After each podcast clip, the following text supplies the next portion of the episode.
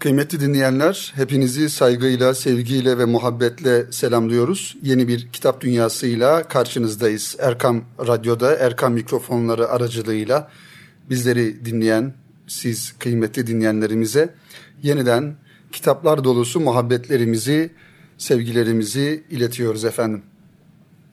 Kıymetli kitap dostları, geçtiğimiz hafta en son tanıtmış olduğumuz kitaplardan bir tanesi gazeteci yazar Ahmet Taş getiren Bey'in Güzel Müslüman Olmak isimli kitabını sizlere takdim etmiştik ve o haftada ifade ettiğimiz üzere bu kitap serisine devam edeceğiz inşallah. Tabi bu seriden çıkan e, Ahmet Taş getiren Bey'in Yolculuk Nereye isimli bir kitabı da var. İnşallah bu kitaptan da sizlere bahsederek önümüzde bulunan ve bu haftanın Kitap Dünyası programı için sizler için hazırlamış olduğumuz Nesil yayınlarından, Nun yayınlarından, İnsan yayınlarından ve Sufi kitaptan e, neşredilmiş birbirinden güzel kitapları sizin dikkatlerinize sunmaya, sizin ve aynı zamanda bizlerin de kitap dünyasına bir anlamda olumlu katkılarda bulunmaya çalışacağız inşallah.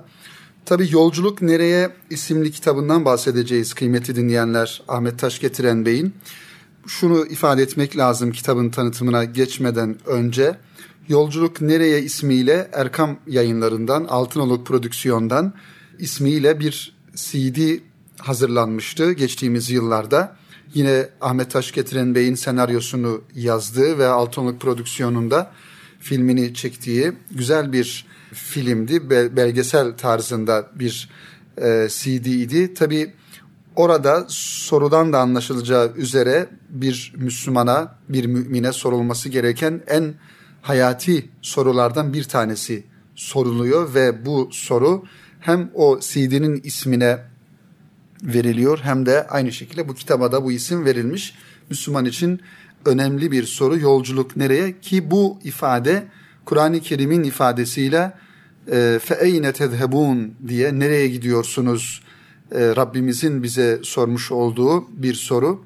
Onun için Müslümanın da her zaman hayatı boyunca sorması gereken, kendisine sorması gereken benim istikametim, benim yönüm veya benim gidişim nereye, benim sonum nereye doğru gidiyor diye bir yönüyle muhasebe içerisinde olması gerekiyor. İşte bu kitapta Ahmet Taş Getiren Bey kıymetli dinleyenler bu hayati soruyu kitabının e, kapağına taşıyor.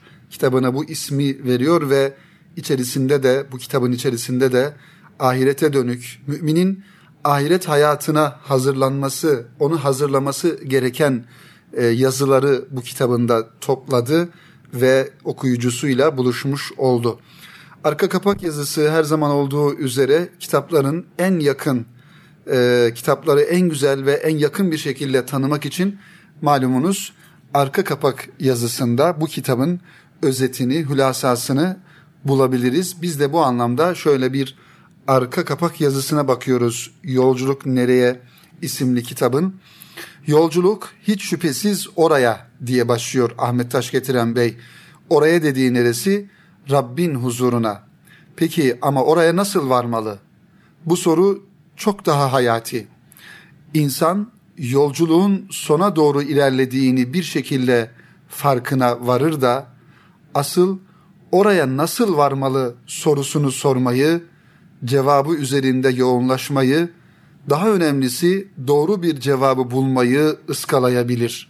İnsan dünyaya Rabbin bünyesinde sakladığı türlü çeşitli potansiyellerle gelir. Sonra bu potansiyel imkanlar gün yüzüne çıkar, insanın gücünü, kuvvetini oluşturur. Bir süre böyle güçlü olarak devam eder insan hayatı.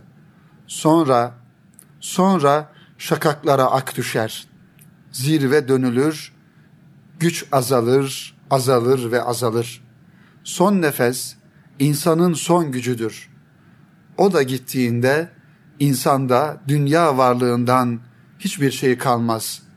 Bu durumda insanı ebediyet kapısı gibi duran kabre götürürler. Kabre konulduğunda insanın malı, mülkü, ünvanları, evladı iyali, her şeyi ama her şeyi bu tarafta kalmıştır. Artık hayatın gerçeği öte dünyadır. Ebediyet alemidir ve orada Rabbin huzuruna çıkılacaktır diye arka kapak yazısını takdim etmiş olduk. Yolculuk Nereye isimli kitabının Ahmet Taşgetiren Bey'in kıymetli dinleyenler. Tabi bu kitabın yazıları da önceki kitaplarda olduğu gibi kıymetli kitap dostları önceki kitaplarda olduğu gibi Ahmet Taşgetiren Bey'in Altınoluk dergisinde muhtelif zamanlarda neşretmiş olduğu yazılardan oluşuyor.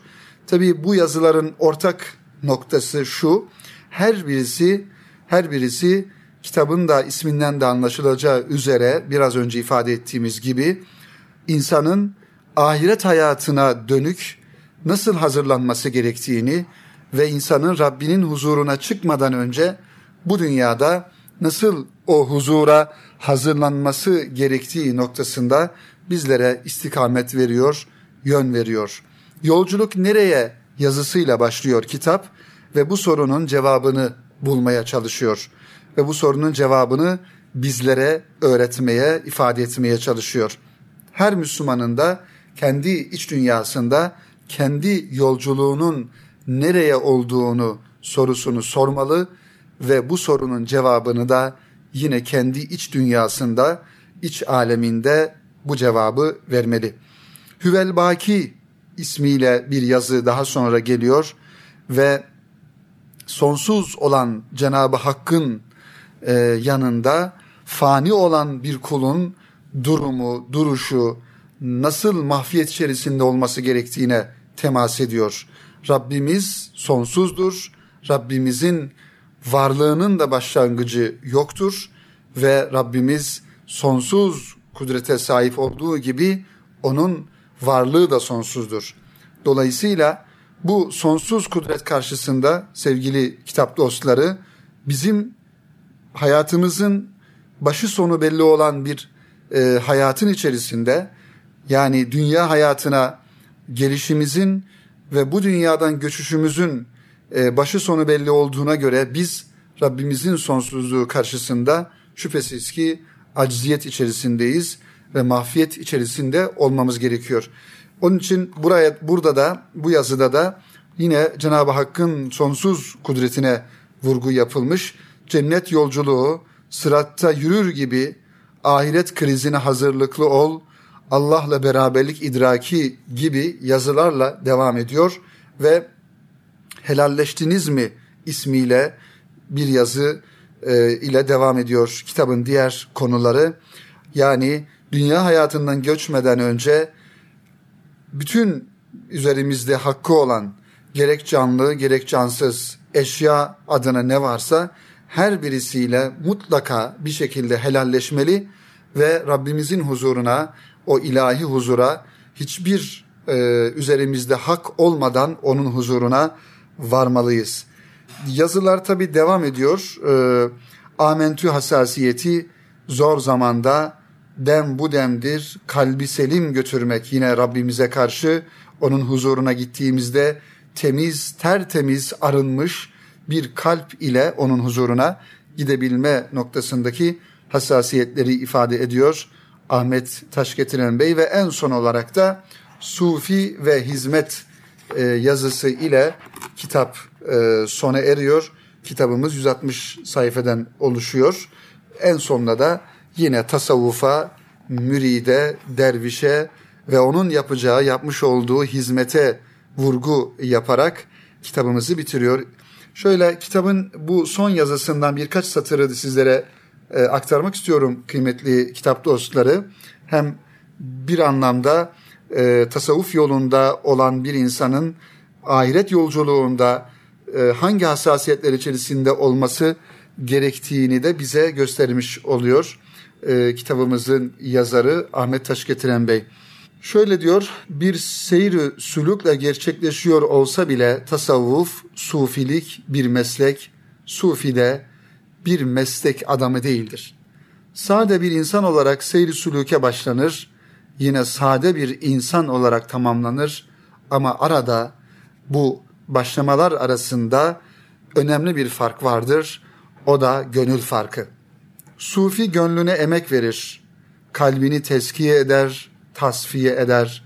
Üzerindeki nefsi emmare baskısını gidermeye çalışır ve sonuçta kalbinde Allah Teala dışındaki tüm güç odaklarının etkisini sıfırlamış ve Allah Teala ile birliktelik idrakine ulaşmış bir mümin kimliğine ulaşır.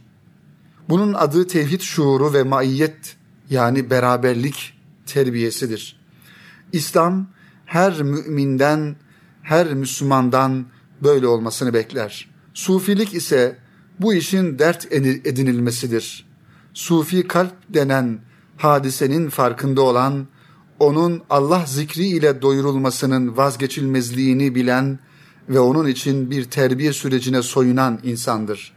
Sufi hayatın içinde bir insandır. Sufilik kişinin hayattan tecridi demek değildir. Böyle bir algılama da var kıymetli dinleyenler. Derviş olan bir insan, sufi olan bir insan sanki bütün dünyadan elini eteğini çeker, sadece ve sadece ahirete hazırlık noktasında bir terbiye, bir nefis terbiyesi içerisine girer. Şüphesiz bu böyledir ancak derviş insan, gerçek anlamdaki derviş bir insan hem ahiret kaygısını taşımak üzere bütün hazırlığını o anlamda oraya doğru yapmalı ama aynı zamanda halk içinde hakla beraber olma şuurunda olmalı. Hak, e, hakla beraber halkla da beraber olabilmeyi başarabilmesi lazım. Yoksa kendi münzevi hayatını yaşayarak, dervişlik hayatını yaşayarak sufiliği idrak etmiş olmak gerçek anlamda tasavvufu ve sufiliği anlamamış olmak demektir. İnsanoğlu cemiyet halinde yaşayan bir varlıktır. İnziva istisnaidir. Halvet der encümen. Tasavvufta inziva ya da halvet vardır ancak ömür boyu devam edecek bir hayat tarzı değildir. Belki asıl imtihan da halk içinde hak ile beraber olabilme imtihanıdır. Yani kesret içinde dağılmadan kalbi hakka, kalbi hakta toparlayabilmek asıl imtihan budur. Buna tasavvufun dilinde el karda, gönül yarda olmak da denilmektedir. Yani tasavvuf hayatın gerçekleri dışına çıkıp tevhidi yaşamak, kalbi dünyanın hakimiyetinden korumak değildir. Bu gayri tabi bir şey olurdu ve bu niteliğiyle çok az insanın katlanabileceği bir kişilik tecrübesi olurdu diye Ahmet Taşgetiren Bey kıymetli kitap dostları Sufi ve Hizmet yazısında bu güzel konulara temas ediyor. Yolculuk Nereye isimli kitabında. Bu kitaplar bir seri halinde kıymetli dinleyenler çıktı malumunuz. İlk e, tanıtmış olduğumuz kitap Kap coğrafyamızı korumak. Daha sonra güzel Müslüman olmak ve bu üçüncüsü de inşallah Yolculuk Nereye isimli kitabı olarak tanıtmış olduk. Ee, inşallah önümüzdeki haftalarda da bu serinin devamı olarak diğer kitapları da tanıtmış oluruz. Bu e, yolculuk nereye e, sorusu Kur'an-ı Kerim'de de ifade etmiş olduğumuz üzere Rabbimizin e, müminlere, Müslümanlara sormuş olduğu önemli bir soru. E, programımızın başında da ifade ettik. Bu sorunun cevabını da bu kitabımızda e, görebiliyoruz. Kaldı ki kıymetli dinleyenler Rabbimizin huzuruna vardığımızda bir mümin olarak hani oku kitabını e, ayeti kerimesi de ifade buyurulduğu üzere Rabbimizin bizim dünya hayatında yaşadığımız süre içerisinde iyi amellerimizi ve iyi olmayan amellerimizi yazan meleklerin yani amel defterimizin bizim önümüze geldiği, geldiği zaman oku kitabını diye bize hitap ettiğinde o zaman dünya hayatında neler yapmışız, hangi hataları işlemişiz, hangi sevapları işlemişiz bütün bunları göreceğiz. İşte bu anlamda da Ahmet Taşgetiren Bey diğer bir yazısında oku kitabını seyret filmini başlığıyla da bir yazı kaleme almış. Bu kitabımızın e, muhtevasında bunu görmüş oluyoruz. Kıymetli dinleyenler, ilk kitabımızı bu şekilde sizlere tanıtmış olduk. Baş tarafta da programımızın başında da ifade ettiğimiz üzere diğer kitaplarımız var. Onlarla inşallah devam edelim. Birinci bölümümüzün bitmesine kısa bir zaman kaldı. Bu zaman zarfı içerisinde de yine önemli bir kitap aslında. Belki üzerinde uzun uzun konuşulması gereken derinlikli bir kitaptan bahsedeceğim sizlere kıymetli dinleyenler. Bu kitapta Sufi kitaptan yayınlanan yine Altınoluk sayfalarından yazılarını takip ettiğimiz ve zevkle okuduğumuz bir hanımefendinin kaleme almış olduğu bir kitap.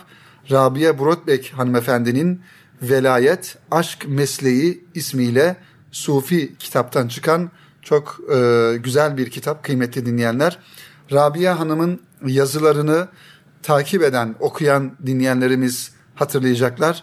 Hakikaten sonradan hidayete ermiş e, bir Müslüman hanımefendi. İsviçre'nin e, İsviçrelidir aslen kendisi. Ancak 1986 yılında Amerika'da İslam ve tasavvufla tanışıyor ve 1987 yılında da Müslüman oluyor. Daha sonra tabii İstanbul'un, Türkiye'nin e, bu anlamdaki bir yönüyle cazibesine kapılıp 1992'den itibaren de İstanbul'da yaşamaya başlıyor Rabia Brotbeck hanımefendi. Tabii Müslüman olmadan önceki hayatında da Batı tarzında kendisi e, bir eğitim almış. Bu anlamda bir eğitim görmüş bir insan ama tasavvufla o İslam'ın güzel yüzünü, güler yüzünü tanıdıktan sonra da e, Rabia Hanım e, Cenab-ı Hakk'ın da e, bir nimetiyle hidayete eriyor ve daha sonra da 1992 yılından itibaren de İstanbul'da yaşamaya başlıyor. Eserlerine bakalım şöyle.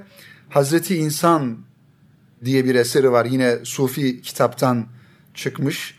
Sonsuz Kulluk yine Sufi kitaptan. Fakra Övgü Sufi kitaptan ve aynı zamanda bir de İngilizce bir kitabı var. From the Stake to the Prayer diye bir kitabı var. 2010 yılında yayınlanmış İngilizce bir kitabı. Dolayısıyla bir de elimizdeki bu kitap var. Velayet, Aşk Mesleği, Sufi kitaptan çıkan diğer kitaplarıyla beraber öğrenmiş oluyoruz kıymetli dinleyenler. Tabii e, Rabia Hanım'ın yazılarını Altınoluk dergisinden takip ediyoruz dedik. Bildiğim kadarıyla Rabia Hanım yazılarını hala İngilizce yazıp daha sonra bir e, tercüman vasıtasıyla Türkçe'ye e, çevirttiriyorlar ve ondan sonra Türkçe olarak yayınlıyor. Tabii insanın kendi dilindeki hakimiyeti çok daha farklı. Ancak şüphesiz tasavvufa olan e, hakimiyeti ve bu anlamdaki derinliğini de biz zaten yazılarında ve elimizdeki bu kitaptan da görmüş oluyoruz. Rabia Buratbek hanımefendinin. Tabi diğer kitaplarını da biraz önce ifade ettiğimiz gibi Sufi kitaptan temin edebiliriz. Bendeniz şunu da ifade etmem gerekiyor kıymetli dinleyenler. Bir yazarın bütün kitaplarını yani eğer bir yazarı okumak istiyorsak bir kitabını değil de bütün kitaplarını okumak e, o yazarı hem daha yakından tanımaya hem o yazarın düşünce dünyasını daha da iyi anlamaya ve istifade etmeye vesile olur diye düşünüyorum. Yani şöyle düşünelim. Bir yazarın evine gittiğinizde elbette ki e, bir odasında oturursunuz ama eğer yazarın müsaadesi varsa o evin diğer odalarını da görmek istersiniz, gezmek istersiniz. Bu anlamda baktığımızda bir yazarın da bütün kitaplarını herhangi bir yazarın sadece Rabia Hanım için demiyorum herhangi bir yazarın bütün kitaplarını alıp okumak o yazarın düşünce dünyasını daha yakından anlamamıza e, vesile olur diye düşünüyorum. Şöyle diyor arka kapak yazısına baktığımızda Mevlana Celaleddin Rumi Hazretleri'nin bir sözüyle başlamış. Her peygamber ve velinin ayrı ayrı mesleği vardır. Fakat o meslekler saliklerini hakka götürdükleri için hepsi birdir. Yani o da aşk mesleğidir diyor Mevlana Celaleddin Rumi Hazretleri. Zaten Rabia Hanım'ın bütün yazılarında bir Mevlana vurgusu, bir mesnevi vurgusu olduğunu da görüyoruz ve oradaki derinliği, oradaki tasavvufi derinliği de kendi yazılarına aktardığını görmüş oluyoruz. Devam edelim. İnsan saliktir. Yani yolcudur, sefere çıkar. Peki aşk mesleğini tutmuş olanların yolu nereden geçer? Hazreti İnsan, Sonsuz Kulluk ve Fakra Övgü kitaplarının yazarı Rabia Brodbeck, insanın yeryüzünde bulunuş sebebinin Rabbimizi bilmek ve onun tecellilerine mazhar olmak olduğuna dikkat çekerek kemalat yolunu, velayet basamaklarını yorumluyor bu kitapta. İslam'a göre velayet nedir? Velinin tarifi ve vazifesi nedir? Veliye nasıl intisap edilir? Bir veliyi takip etmekte aşk ve samimiyetin rolü nedir? Hakka nasıl yakın olunur gibi sorularla aşk mesleğini, velayet nurunu keşfe çağırıyor. Hazreti Mevlana ve İbn Arabi'nin hikmeti ışığında manevi hastalıklarımıza aşkla nasıl şifa bulacağımızı anlatıyor. Aşkı öğreten hakiki aşıklar teslimiyet, ilahi cezbe, manevi sarhoşluk, velayet irfanı, yakınlık, kulluk. Bütün bu seyr sefer sendeki veliye varman için değil mi? Unutma ki veli sensin. Bir veli seni ancak sendeki veliye varman için irşad eder. Yani buradan şu aklıma geldi kıymetli dinleyenler. İbrahim Hakkı Hazretleri'nin marifetnamesini de geçtiğimiz programlarda anlatırken üstadın ilk cildinde yani marifetnamenin ilk cildinde marifetnameyi inşa etmiş olduğu söz nefsini bilen Rabbini bilir sözü malumunuz. Dolayısıyla asıl mesele tasavvufta da asıl mesele ve Rabia Hanım'ın bu kitabının arka kapak yazısında da ifade edildiği üzere asıl mesele bir insanın kendisini gerçek anlamda tanıyabilmesi, kendisini keşfedebilmesi ve o kendisinden de keşfetmiş olduğu kendisinden de yol bularak gerçek manada Rabbini keşfedebilmesi, Rabbini bilebilmesi. İşte Aşk Mesleği kitabının da aslında özü, özeti şu son cümlede saklı. Veli sensin, bir veli seni ancak sendeki veliye varman için irşad eder. Bir veliye bağlandığınız zaman bir Allah dostuna intisap ettiğimizde yine aslında onun irşadı bizi bizi bizliğimizi öğretmek, bizim içimizdeki o gerçek anlamdaki veliye, o dosta bizi ulaştırabilmek bir e, mürşidin de yaptığı budur. Kitabımızın içerisindeki yazılar kıymetli dinleyenlerimiz içerisindeki yazılara bakalım şöyle bir e, hep beraber.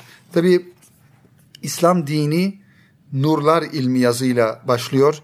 Kemali ilahi, velilerin makamı velayet, İslam'da velayet, Ehli Beyti Mustafa ve Hazreti Peygamber'in ashabı, velayetin tasviri, velayet ve aşıklık, aşk ve ma ve manevi sarhoşluk, aşk ve kurbiyet, aşk ve ilahi cezbe, aşk ve tabiat, velilerin vazifesi ve velilere olan ihtiyaç.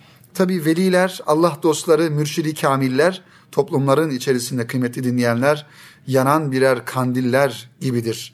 O kandiller sayesinde o insanların, o toplumun gönül dünyaları aydınlanır ve o aydınlıklar içerisinde de insanlar gerçeğe, hakikate, gerçek nura yani İslam'a yol bulurlar. Rehberi olmayan ya da rehberleri yanlış e, insanlar olan toplumlar da maalesef uçurumlara doğru yuvarlanır ve felaketlerin içinde kalır. Dolayısıyla hani Efendimiz Aleyhisselam'ın da bir hadis-i şerifinde buyurduğu üzere eğer Cenab-ı Hak bir milleti helak etmek isterse öncelikle o topluluğun içerisindeki gerçek anlamda firaset sahibi Allah dostlarını, alimleri, velileri alır ve o insanlar, o topluluk başsız, rehbersiz, kılavuzsuz kalır ve nereye gideceklerini bilmez bir vaziyette perişan olurlar. Onun için bizim e, toplumumuzun da içerisinde toplumumuzu kandiller gibi aydınlatan manevi önderlerimiz, manevi rehberlerimizin olması da elbette ki çok önemli bir e, mevzudur diye düşünüyorum kıymetli dinleyenler. Tabii biraz önce de ifade ettiğim üzere bu kitabın her bir yazısı hakikaten satırların altları çizilerek okunması gereken yazılarla e, dolu olduğundan dolayı sadece başlıklarını e, ifade etmekle yetinelim ve sizleri Rabia Buratbek hanımefendinin gerek bu kitabı ile yani Velayet Aşk Mesleği kitabı ile gerekse yine Sufi yayınlardan çıkan diğer kitapları ile inşallah baş başa bırakalım ama mutlaka Rabia Hanım'ın kitapları kütüphanenizin bir köşesinde bulunsun ve şu keşmekeşli hayat içerisinde içimiz daraldığı zaman, bunal, bunaldığımız zaman bu kitabın sayfalarında, derinliklerinde gezinelim ve buradan gerçek anlamdaki o tasavvufi e, anlayışı, idraki hep beraber okuyalım diyorum inşallah. Evet kıymetli dinleyenler, şimdi diğer bir kitabımız da Nesil yayınlarından çıkan önemli e, bir mevzuyu ihtiva eden bir kitap. Bir hastalıktan bahsediyor, manevi bir hastalıktan, kalbi bir hastalıktan ve Müslüman olsun olmasın ki Müslüman olmayanlar çok bu anlamda yani biraz sonra bahsedeceğim mevzu ile alakalı bizi çok ilgilendirmiyor ama bir Müslümanın da her zaman her an içine düşebileceği bir hatayı bizim önümüze gözlerimizin önüne seriyor ve bu anlamda bizim dikkatlerimizi çekiyor. Kim? Bakalım Muhammed Eşşevkani'nin nesil yayınlarından çıkan Gıybet Risalesi. Tercüme Kasım Yürekli. Tabi bu kitap kıymetli dinleyenler aslında orijinali iki risaleden oluşuyor. Tabi yayın evi bu iki kitabı da bir araya getirip tek bir kitap halinde e, bizlerin istifadesine sunmuş. Arka kapak yazımıza bakalım. Sonrasında diğer içindeki konulara bakmaya çalışalım kıymetli dinleyenler. Namaz, oruç, zekat gibi pek çok farzı eda edip zina, hırsızlık, içki gibi birçok günahtan kaçınırken gıybet sıradan bir şeymiş gibi görülür. İbadetlerine titiz, yasaklara duyarlı müminlere haram değildir sanki gıybet. Oysa gıybet Allah'ın yasaklarından bir yasak, haramlarından bir haramdır. İlahi kitaptaki hükmü şöyledir. Hucurat suresinde geçen ayet-i kerimede olduğu üzere biriniz diğerinizi arkasından çekiştirmesin. Biriniz ölmüş kardeşinin etini yemekten hoşlanır mı? İşte bundan tiksindiniz. Ve şöyle yerilir. Başkalarını ayıplamayı ve arkadan gıybet yapmayı adet edinenlere yazıklar olsun.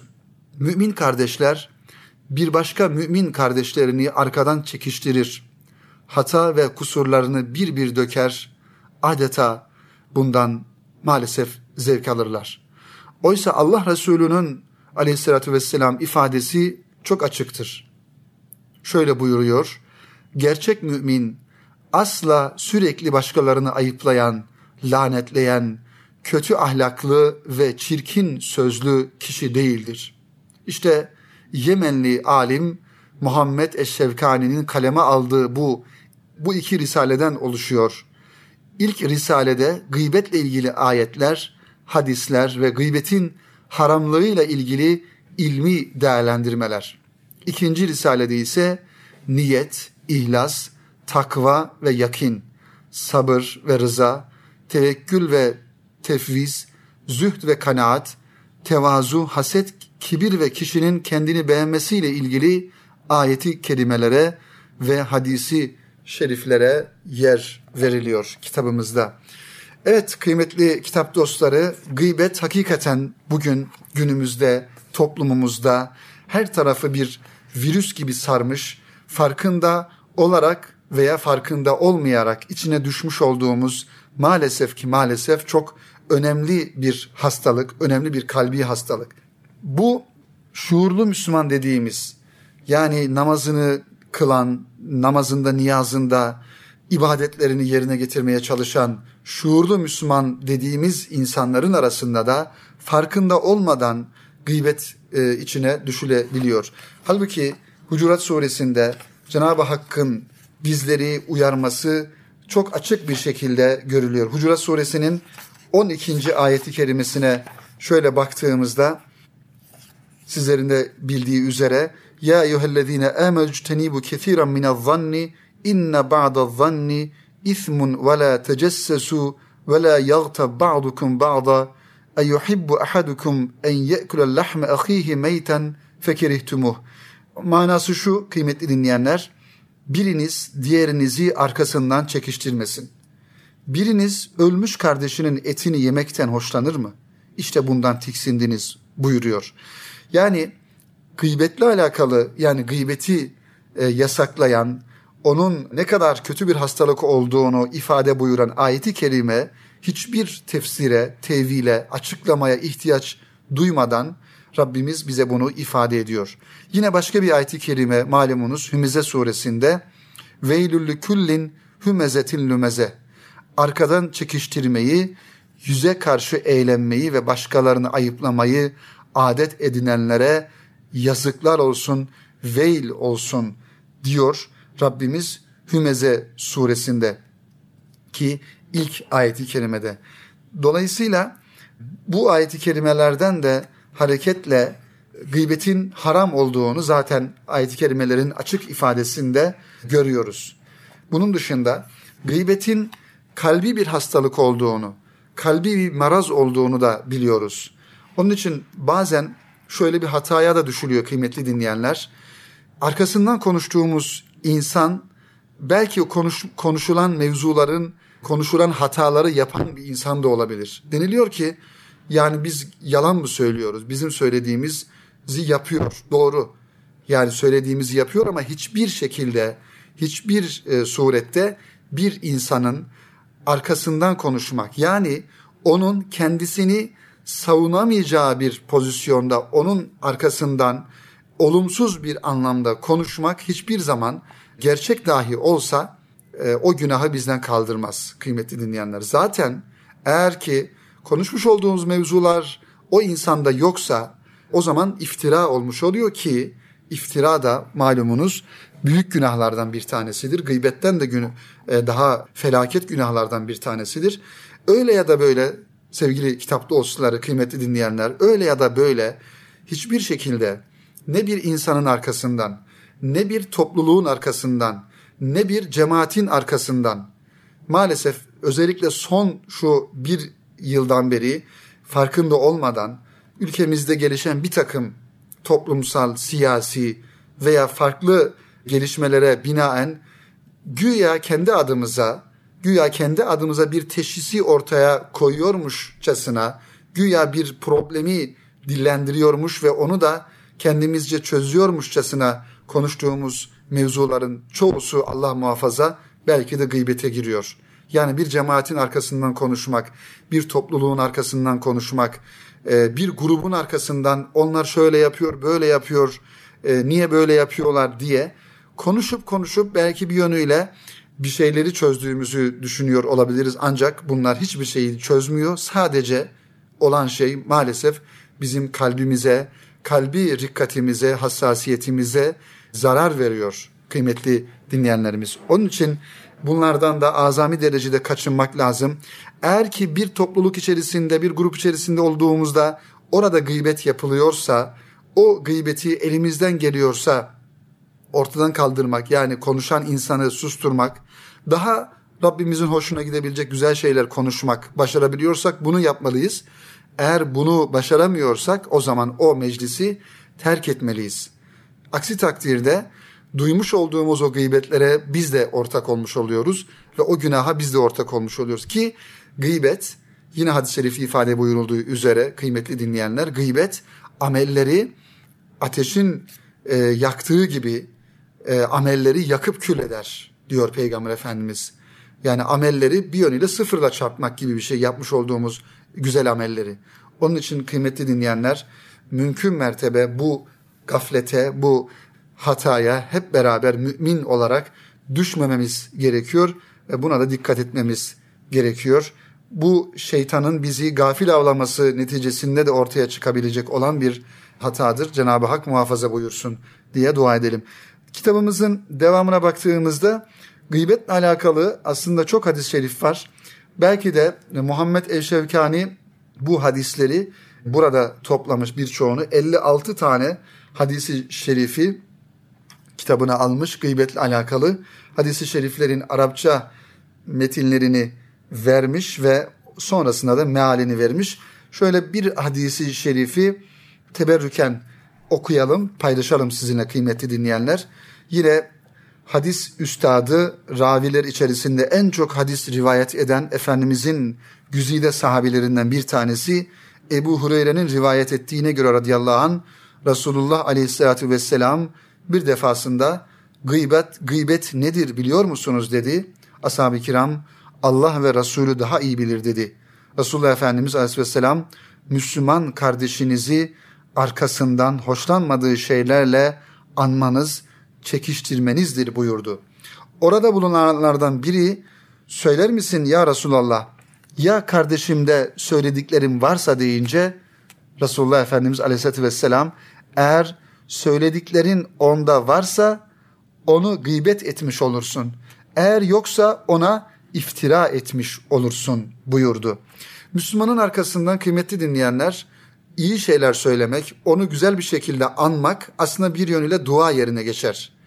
Ve malumunuz üzere yine Efendimizin hadis-i şerifinde buyurduğu gibi bir Müslümanın diğer bir Müslüman kardeşinin haberi olmadan arkasından ona dua etmesi, onun için Rabbinden hayırlar istemesi Cenab-ı Hak katında müstecab olan, kabul olan dualardan birisidir.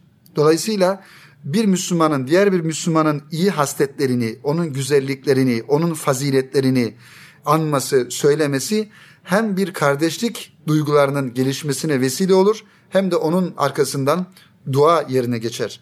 Ama zaten Efendimizin de burada, burada ifade buyurdukları üzere onun arkasından kötü bir vasfını konuşmuş olmak gıybet ama olmayan bir e, özelliğini söylemiş olmak da ona iftira olur ki o da büyük günahlardan bir tanesidir.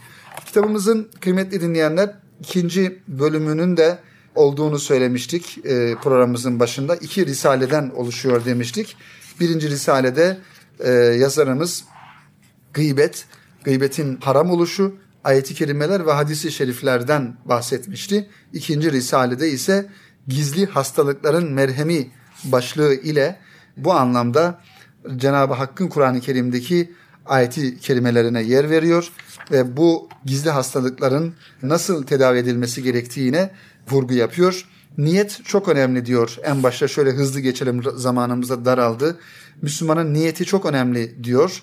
İnnemel a'malu bin niyat hadisi şerif malumunuz olduğu üzere ameller niyetlere göredir. İhlas çok önemli bir Müslüman için. İhlas riyayı yani gösterişi terk etmektir diyor yazarımız devam ediyor diğer konulara. Bu hastalıkların merhemi olarak, tedavi yöntemi olarak bir Müslümanın hangi hasletler içerisinde olması gerektiğini ifade anlamında takva önemli diyor. Ee, bir Müslümanın yani Cenab-ı Hak'tan hakkıyla korkması çünkü inne ekremakum indallahi etkakum diyor ayet-i kerimede Cenab-ı Hak. Sizin Allah katınızda en kerem sahibi, en üstün olanınız Allah'tan en çok korkanınızdır diyor. Dolayısıyla takva da önemli. Sabır burada çok önemli kıymetli e, dinleyenlerimiz. Müslümanın e, bu e, kalbi hastalıkların üstesinden gelmesinde sabır da çok önemli. Rıza çok önemli. Yani Rabbinden rıza, Allah'tan razı olmakta bu e, hastalıkların üzerinden e, gelmede önemli hususlardan bir tanesi ve bir diğeri de tevekkül diyor e, yazarımız son olarak da züht hayatını önemsiyor ve züht sözlükte rağbet etmemek demektir. Burada ise maksat yani dünyaya rağbet etmemektir. Öyle ki kişinin yanında dünya malının değersizi ile değerlisi eşit olur. Züht hayatı dediğimiz şey de budur. Züht hayatı dünya malına, dünya hayatına, dünyanın içindeki bizi çeken, cezbeden her ne varsa onlara değer vermeden yönümüzü, yüzümüzü takvamız ile, ihlasımız ile, samimiyetimiz ile, tevekkülümüz ile ve en güzel şekildeki niyetlerimiz ile yönümüzü Rabbimize e, çevirmektir diyoruz kıymetli dinleyenler. Efendim diğer kitaplarımız bir sonraki programımıza kaldı. Çünkü zamanımız e, burada sona erdi. Ne vardı diğer kitaplarımızda onları da ifade edelim. Mustafa Karataş'ın güzel bir kitabı var. Hazreti Peygamber'in Beden Dili önemli bir kitap. İnşallah bunu önümüzdeki hafta sizlere takdim etmeye çalışacağız. Ee, İmam Gazali'nin İhya'nın Anahtarı ismiyle küçük bir kitapçığını Veysel Akkaya Bey tercüme etmiş. Bu da insan yayınlarından çıkan kitap ve yine de Zafer yayınlarından çıkan geçen haftada başka bir kitabını tanıtmış olduğumuz Ali Çankırılı Bey'in Çocuk Resimlerinin Dili isimli kitabı da inşallah kıymetli dinleyenler önümüzdeki hafta kitap dünyasının içerisinde sizlere ulaştırabileceğimiz, ulaştırmak istediğimiz kitaplardan bazıları. İnşallah Rabbimiz ömür verirse önümüzdeki hafta yeni kitaplarla sizin gibi kıymetli kitap dostlarıyla mikrofonlarımız aracılığı ile sizlerin gönüllerine, evlerine, arabalarına misafir olmayı ümit ediyoruz. Her zaman olduğu gibi temennimiz kitaplarla güzel bir hayat sürdürmek olsun. İnşallah Rabbimiz bizleri gerçek anlamda gerçek e, kitapların şahı, kitapların kitabı olan Kur'an-ı Kerim'den ayırmasın ve bütün okumuş olduğumuz diğer kitapları da o kitabı en güzel şekilde okuyup anlayabilme niyetiyle okumayı nasip etsin diyoruz. Hepinize hayırlı hizmetler, hayırlı kitap okumalar temennisiyle hayırlı akşamlar diliyorum efendim.